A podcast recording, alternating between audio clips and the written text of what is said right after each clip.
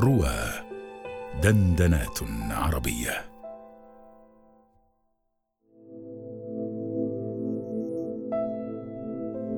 الألم. الألم ملح الروح التي لا تحلو إلا به نار النفوس التي لا تلمع إلا معه. ترى أي العلل التي يشكوها المرء أكثر؟ علل الروح أم الجسد؟ وترى أيهما أسبق أو أيهما تورث الأخرى أيهما تشفى ولا تنتكس وأيهما تندمل ولكن تنكأ.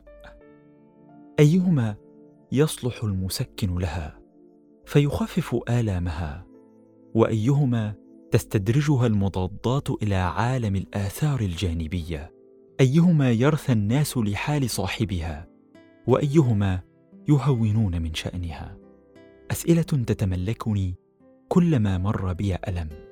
فأنا لا أتذكر أن علة أصابت جسدي إلا إذا كنت في أمس الحاجة إليها.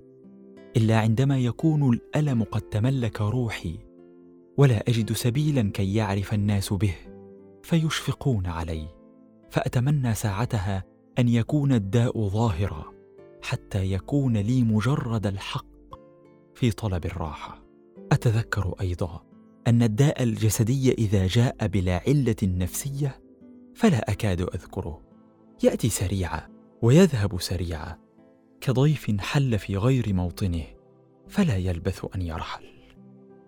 ولكن إذا كنا ندعي كثيرا أن الروح هي الأساس فلما لا يسترعي انتباهنا عليل النفوس؟ لما إذا قال أحدهم اعذرني أنا تعبان نفسيا هذه الأيام. ضحكنا ملء أشداقنا. شكلك بتحب. وإذا قال أصابتني نزلة برد. تغير لوننا وانكسرت نبرتنا. ألف سلام عليك. لم يمكنك إذا أخبرتك الأولى أن تردف قائلا طيب تسلمني شغلك بكرة وتبقى تحكي لي بعدين. وإذا كانت الثانية طب نام وتغطى كويس وفي داهية الشغل أهم حاجة صحتك. لما نجد طبيبا واحدا لعلل النفس يسمى الطبيب النفسي. يعافه الجميع ويربطونه بالأمراض العقلية والخرف والجنون. ولما نجد لكل سنتيمتر في الجسد طبيبا متخصصا أنف وعين وأسنان وقلب وجلد وظفر. الإجابات الجاهزة لدى الشيوخ والمعممين تبدأ بقوله تعالى ألا بذكر الله تطمئن القلوب وبالطبع لا تنتهي لكنني حتى الآن لا أجيد الخلط بين خطي العلاقة مع الله والعلاقة مع الناس من الزاوية التكميلية أي إنني إذا ضعفت علاقتي بالله لا أستطيع تقويتها بعلاقتي مع البشر كذا العكس. هناك نوع ما من ألم النفس لا يمنع القرب من الله أن تشكو منه وما كان عام الحزن على نبينا عندي إلا من هذا القبيل. فلماذا إذن؟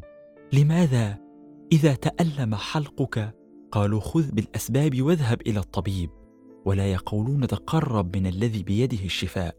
وإذا تألمت نفسك قالوا ذنوب تكاثرت حافظ على وردك. الام الجسد؟ تدهشني قدرة المسكنات على إخمادها. تأخذ كل مسكن في موعده حتى ينتهي تأثيره فتأخذ الذي بعده إلى أن تنتهي المضادات الحيوية من عملها وتعود بعد أيام لحالتك الأولى. أما آلام النفس فهيهات هيهات سكونها ما هو إلا محض تلاه عنها حتى إذا عدت إلى نفسك وجدت الألم أعظم. آلام الجسد إذا استفحلت قد يستأصل موطن الألم أما آلام النفس انى لها ذلك. آلام الجسد قد تشفى ولا تنكأ. أما آلام النفس فلا يوجد جرح فيها لا ينكأ. لا يوجد. أنا لا أذكر مرة مرضت فيها لأني تذكرت أن في مثل هذه الأيام من العام الماضي كنت مريضة. لكن كم مرة بت ليلتي أتقلب لأن صباحي صباح عام جديد على جرح قديم. آلام النفس تنكأها الكلمة والهمسة والغمزة والإشارة. آلام النفس يهيجها لحن أو دمعة. مشهد غروب أو صوت كروان. نظرة عابرة أو صورة مسرعة. صافرة قطار أو مرجل باخرة. تأتي توا بلا ارتفاع تدريجي في الحرارة. ولا صعوبة في البلع ولا سعلات متفرقة في اليوم. ليس لها أعراض ليس لها أنواع من الطعام دون أنواع ولا ألوان من الشراب دون أخرى. كل الأنواع والألوان تصبح في ألم النفس طعما واحدا. بلا لون عليل الجسد إذا تأوه تدورت له قلوب الناس من حوله. وعليل النفس إذا نطق بالآه ظنوا به الجنون. وأي ألم أشد في النفس من ألم لا تراه إلا أنت. من ألم إذا أردت أن تصرخ منه خرج الصوت يشق أحشاءك شقا. خرج أنينا أبكم لا يكاد يبين. خرج منك إذا سئل ما لك؟ لا شيء. اللهم إلا أن يسعف ببوادر برد. فيخرج من حرج الهم الواضح في ظاهرة بلا علة تعاين. وإذا ما تكالبت الآلام هل يصبح السبب الرئيس في انتهاء رحلة الإنسان هي تكالب آلام روحه أم آلام جسده؟ الضغط والسكر والقلب هل هي أزمات نفسية تترجمها الأجساد إلى لغة تفهمها العيون المادية؟ هل القصص التي نسمعها عمن يموتون هما وغما حقيقية؟ عن الرجل الستيني الذي يبلغ سن المعاش فما إن يجلس في البيت ويشعر أنه لم يعد له مورد رزق ولم يقوى على عمل ظهرت كل الأمراض الخفية فجأة ومات بعد عام أو اثنين. الشيء الذي نعرفه جيدا أن السبب الرئيس لموت الحيوان هو علل جسدية. فهل كل من وصلت به آلامه النفسية إلى حد الموت دونها كان راقيا؟ هل كان يفاخر جميل بن معمر وهو العربي في زمن التفاخر. عندما سئل عن قومه فقال من قوم إذا أحبوا ماتوا. وهل مدحته الجارية وأعلت قدره عندما ردت عذري ورب الكعبة. هل كان الفخر بالموت في ميدان من ميادين الشعور يساوي عند العربي الفخر بالموت في ميادين المعامع؟ هل من يموت كمدا وقهرا لتسلط ظالم أو تغلب متجبر أو كسر لكرامة أو انتهاك لعرض هو الأنبل والأعلى قدرا والأشف نفسا.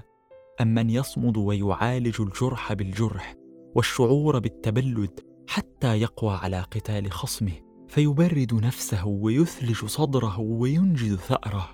هل نحفظ نفوسنا من التعرض للآلام في مواطن متابعة حوادث الليل والنهار من سفك الدماء وهتك الأعراض وإفساد الحياة؟ كما نحفظ أجسادنا من الولوغ في مواطن الأوبئة والأمراض أم نضغط عليها ونحملها فوق طاقتها كعضلة في الجسد نريد لها أن تقوى فتحمل كل يوم ما زاد عن اليوم الذي قبله حتى تصير محصنة عاتية لا يهزها حادثات الدهر ولا يؤثر فيها جرح مهما يكن غائرا فجلدها أسمك وعظمها أصلب. هل كل إنسان فيه هذا وذاك؟ تتفاوت النفوس كما تتفاوت الأجساد؟ منها ما يتحمل ومنها ما لا يحتمل. منها ما عليه أن يواجه ويأخذ الألم على الألم ومنها ما عليه أن يتوارى حتى لا يتلف نفسه بالكلية. وهل للأول أن يفتخر على الثاني أم أن كلا ميسر لما خلق له؟ وهل يعرف ضعيف النفس أنه هو المعني بلا يكلف الله نفسا إلا وسعها. وهل يعرف أن هذا وسع نفسه؟ وأنها لا تخدعه حتى تقعده عن التعرض لتلك المواطن؟ هل وهل وهل؟ هل أقتل نفسي بإدمان عذاب نفسي كما يقتل المدمن جسده بمسكراته؟ هل يحاسبني الله على إزهاق نفسي وذهابها حسرات؟ أم يثيبها على ما أوذيت به درجات؟ أقوي النفس أنا بعذاباتها أم ضعيف بعجزي عن رد الآلام عنها؟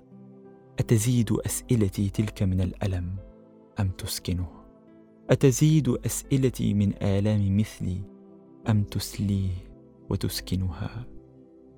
آه من تلك التساؤلات آه من تلك السؤالات. إنها بحد ذاتها لهي الألم.